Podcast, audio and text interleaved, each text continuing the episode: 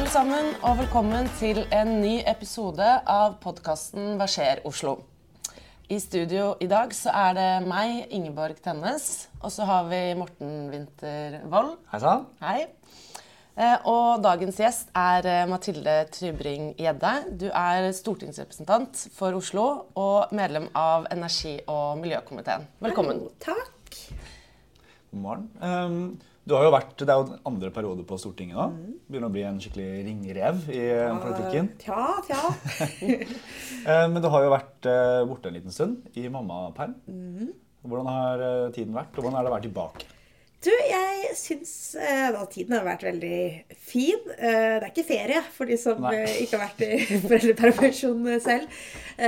Men jeg syns det har vært, vært veldig stort. Det er første barn. Og så eh, må jeg si at det er litt deilig å være tilbake nå. Det er jo rart å dra målingen morgenen nesten før hun står opp. Hun er jo syv måneder. Men uh, på den annen side så er det etter et litt sånn tøft svangerskap også. Det er litt deilig å kjenne seg tilbake til seg selv. Og så merker jeg jeg var litt sånn bekymra for at jeg skulle være mindre politisk engasjert. Litt sånn mer eh, hjemmeskjær etter jeg fikk barn. Men jeg merker at jeg har blitt mer politisk engasjert. Kanskje litt mer egeninteresse i at, mm. samfunnet er eh, bra og for neste generasjon òg. Så det er, det er gøy.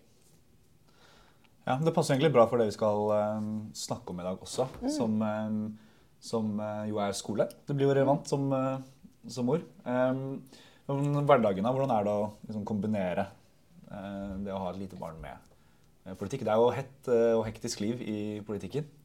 Ja, jeg tror at nå har jeg gjort dette i tre-fire uker. Jeg tror de som har kombinert flere barn og i mange år, så kan få lov til å svare på den mer enn meg. Men nå er jo min samboer i pappaperm. Eh, og jeg syns vi deler ting ganske likt. Jeg syns egentlig det går bra. Eh, men det er klart eh, det, er liksom, det blir jo en ny tilværelse, så man må jo prioritere på en annen måte. Det er bra. Eh, Mathilde, du har jo jobbet mye med skole både lokalt her i Oslo og også nasjonalt. Eh, og vi som har fulgt deg lenge, vet jo at du er en varm forkjemper for eh, Oslo, det vi kaller for Oslo-skolen og vår modell. Men når du ser på, på skolene i, eh, i Oslo nå, hva er de største utfordringene vi står eh, overfor lokalt her? Altså det som har vært Oslo-skolens eh, suksessfaktor, da, hvis du kan si det, det er at man klarer å ta imot Altså man tar imot eh, 9000 barn i første klasse, hvor mange har et annet morsmål enn norsk. Eh, det er stor forskjell på, for disse barna på hva de kan. Noen kan skrive navnet sitt, noen kan lese fra før. Eh, andre kan ikke så veldig mange norske ord engang. Og så skal du sikre at alle får like muligheter gjennom en hel skole, eh, gjennom ti år i grunnskolen. Og Oslo-skolen har klart å jobbe og forbedre seg stadig vekk år for år, som gjør at de barna som starta på Oslo-skolen for 18 år sant, de, de har nå fullført videregående, de har fagbrev, mange flere er i jobb, mange flere har muligheter i sitt liv fordi vi klarte å fokusere på liksom, kunnskap, god undervisning. Så det er, det er kanskje derfor jeg liksom brenner for, eh, for Oslo-skolen. Og utfordringene i Oslo-skolen er at vi har eh, veldig mange barn som starter på skolen med ulike utgangspunkt. Eh, hjemmebakgrunnen din, foreldrenes utdanningsnivå har liksom, veldig mye å si for hvordan det går. Vi ser at motivasjonen faller ganske kraftig etter 5. klasse. Det er ganske store forskjeller mellom gutter og jenter på hvordan det går. Eh, og så ser vi at eh, liksom, der man svikter mest, er liksom på det grunnleggende. Det er liksom lesing, skriving, regning. Det man må mestre for å kunne fullføre videregående, eller også for å oppleve mestringstro. Læringsglede kommer jo av at du klarer å få til ting òg. Eh, og der ser vi at det er for mange som faller av veldig tidlig i skolen. Og vi klarer ikke å fange dem opp igjen i, i Oslo-skolen. Og så ser man det på frafallsstatistikken på videregående. Og vi eh, tenkte vi skulle se litt nærmere i dag på hva som er forskjellene mellom Høyre politikk og venstresidens eh, eh, politikk. Og jeg tror vi er, vi er enige om, uavhengig av hvilket parti vi er i, at vi vil ha en god skole.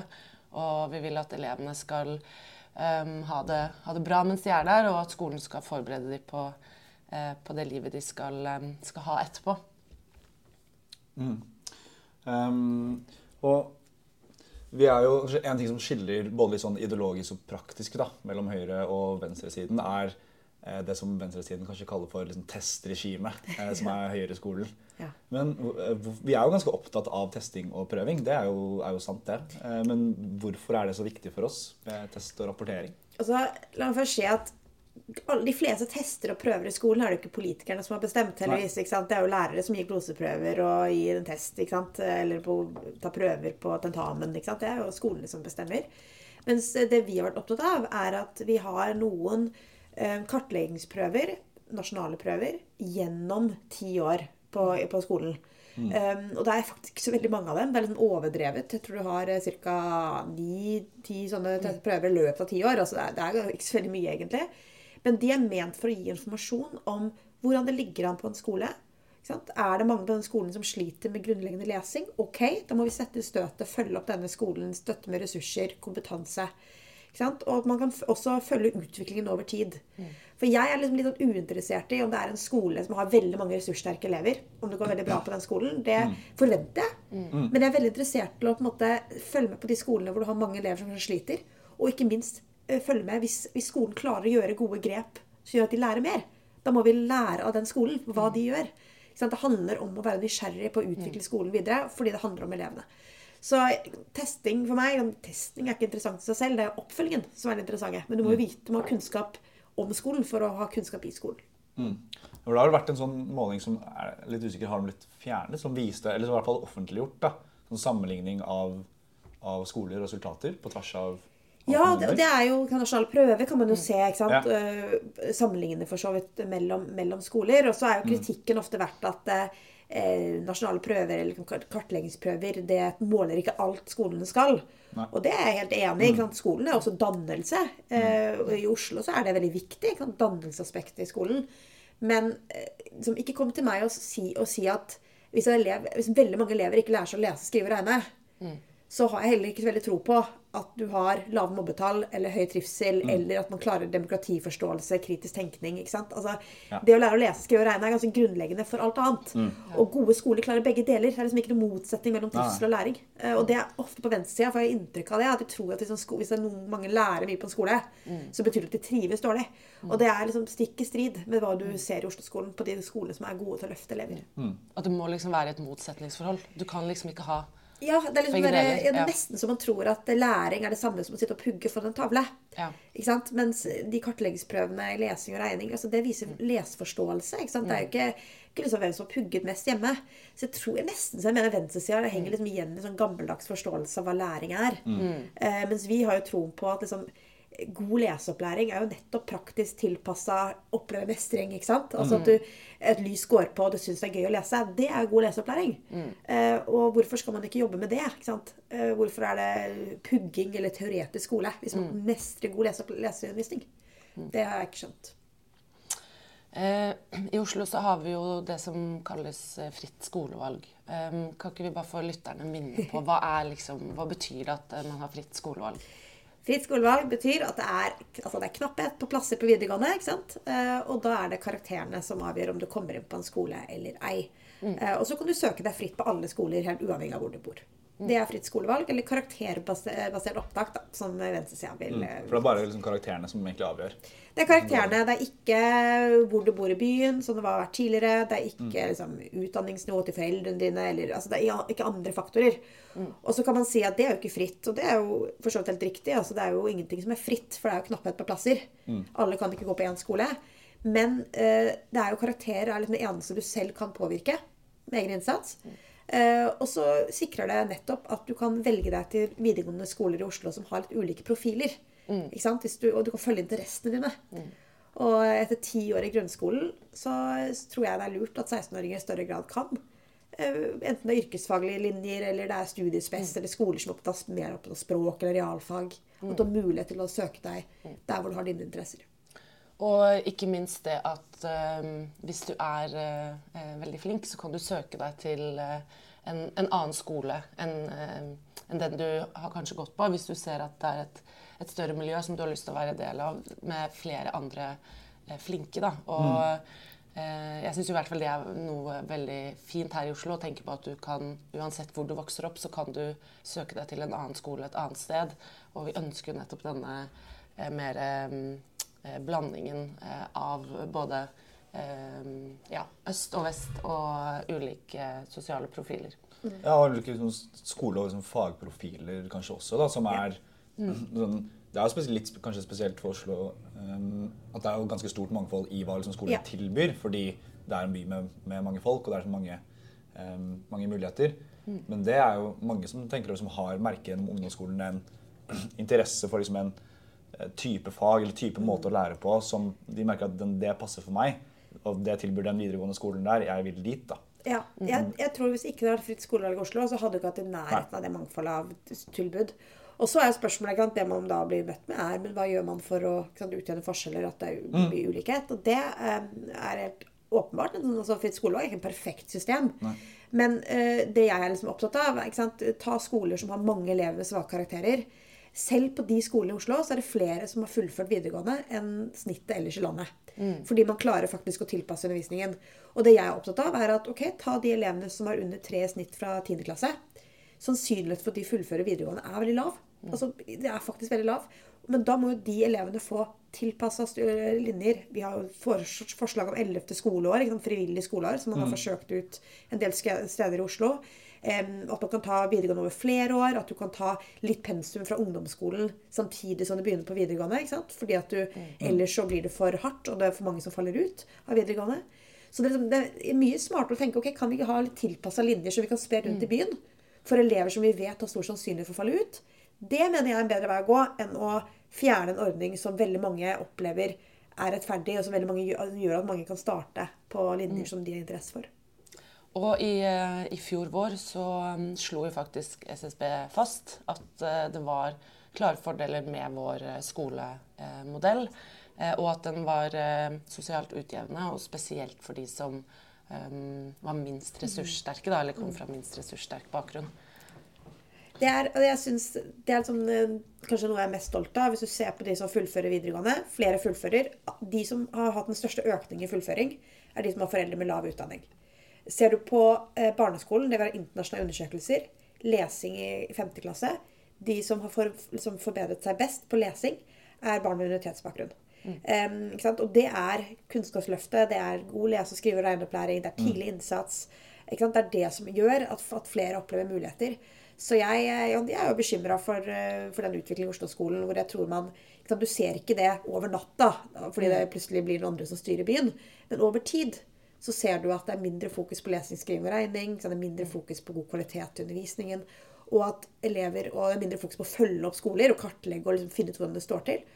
Og det fører til større forskjeller mellom alle skoler. Eh, og det fører til at du er litt mer prisgitt hvilken skole du havner på. Hvilken lærer du får. Og det mener jeg bryter liksom med det viktige prinsippet om at alle skal ha likeverdig opplæring. Da. Du var inne på det at sånn, med, Tilbake til fritt skolevalg. Da, det er jo ikke en perfekt Nei. ordning, og det er jo, liksom, det er jo utfordringer med det. Men det har jo kommet en del, for- en del ulike forslag på bordet eh, for hvordan man kan Ja. erstatte fritt skolevalg. og Um, jeg vet ikke om vi liksom rekker å gå inn og prøve å forklare det en gang. ja, For den, den ene ordningen har jeg lest om eh, opp og ned. Jeg, jeg skjønner Jeg hadde ikke hvis ikke, hvis ikke du skjønner, tenk, tenk en 16-åring som skal velge skole. Altså, den ordningen er ok, vet ikke, vi har kanskje ikke tid, halvparten av plassene på skole skal fordeles ut fra karakterer. Med andre ord, har du 4,80 i snitt og høyere, Ja. du har det greit, du kan søke deg, det er fortsatt karakterbasert opptak.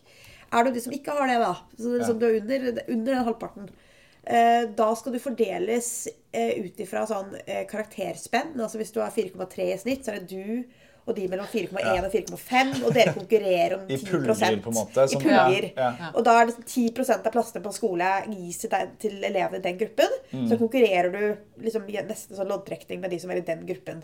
Ja. Eh, for, for, for å en sikre utjevning.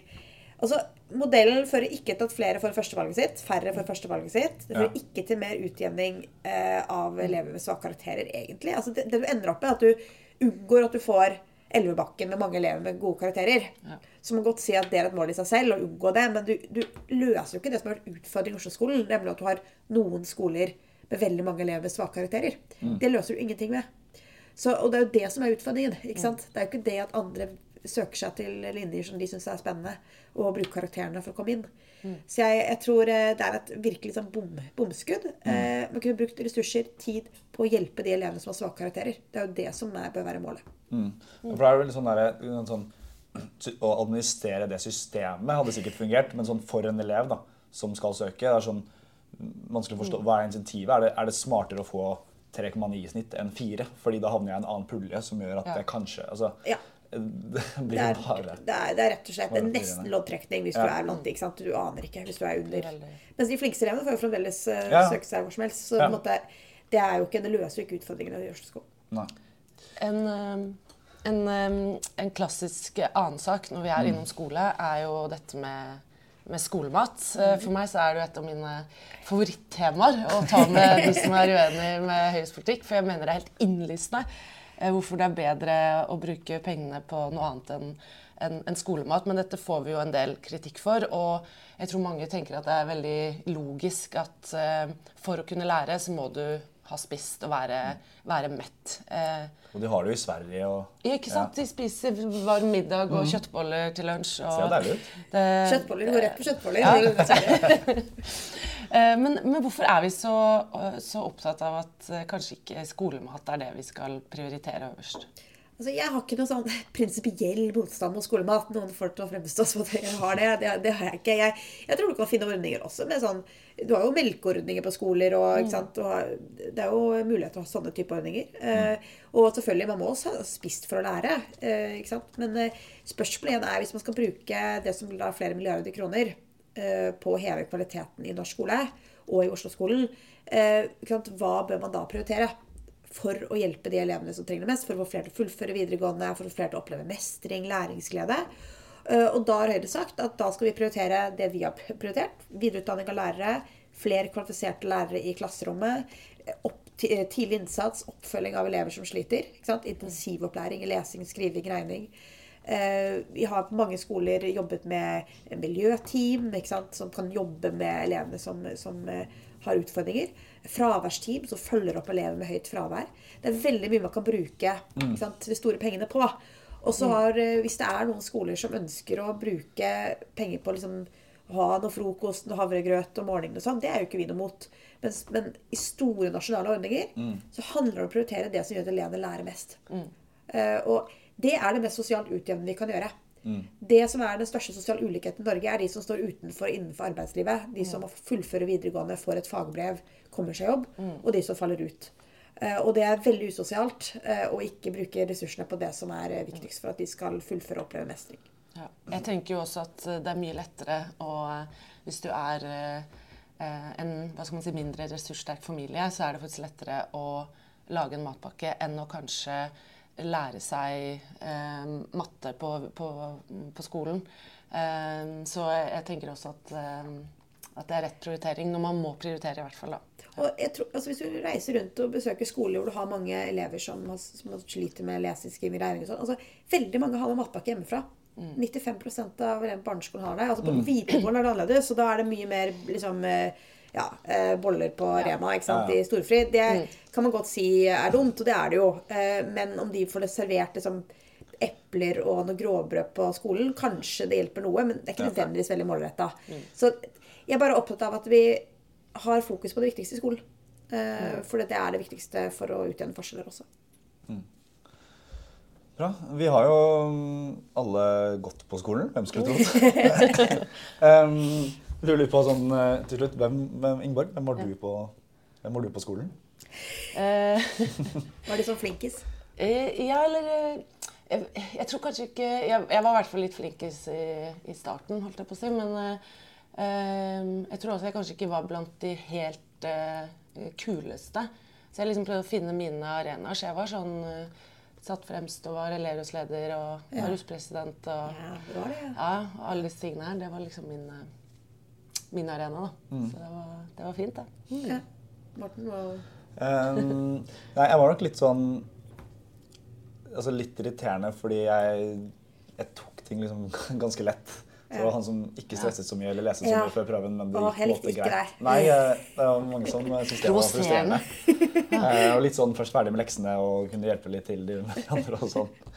Så um, det, skolen var liksom ikke så stressende Nei. for min del. Nei. Nei.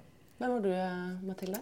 Altså, på barneskolen så var jeg, slet jeg nok mer. Jeg var liksom ganske sånn middels uh, god i fag. Og jeg husker jeg fikk så intensivopplæring der jeg slet med matte og liksom sånne ting. Men mm.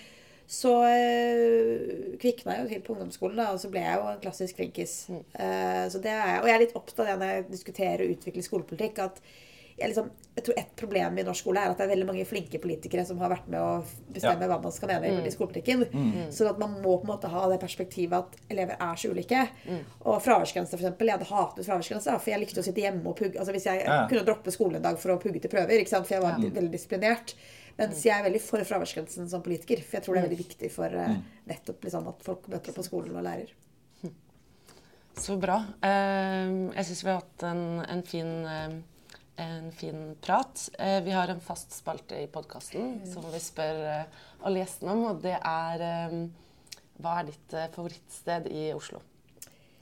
Ja, eh, nå har det faktisk blitt eh, liksom å gå langs Akerselva. Veldig klassisk svar, men det er liksom hjertet av Oslo. Og du får sett Forstår Oslo veldig godt ved å bare gå gjennom hele fra, fra øverst til nederst. Eh, og jeg bor jo rett ved elva også, så det er kanskje derfor. Det er også et av mine eh, favorittsteder. Eh, tusen takk for praten, Mathilde, og tusen takk for at du, eh, du kom. Takk for at dere ble invitert. Og takk til alle som hørte på. Så høres vi fra Hva skjer Oslo igjen eh, snart. Ja. Du finner oss der hvor du hører på podkast. Ha det bra. Ha det bra.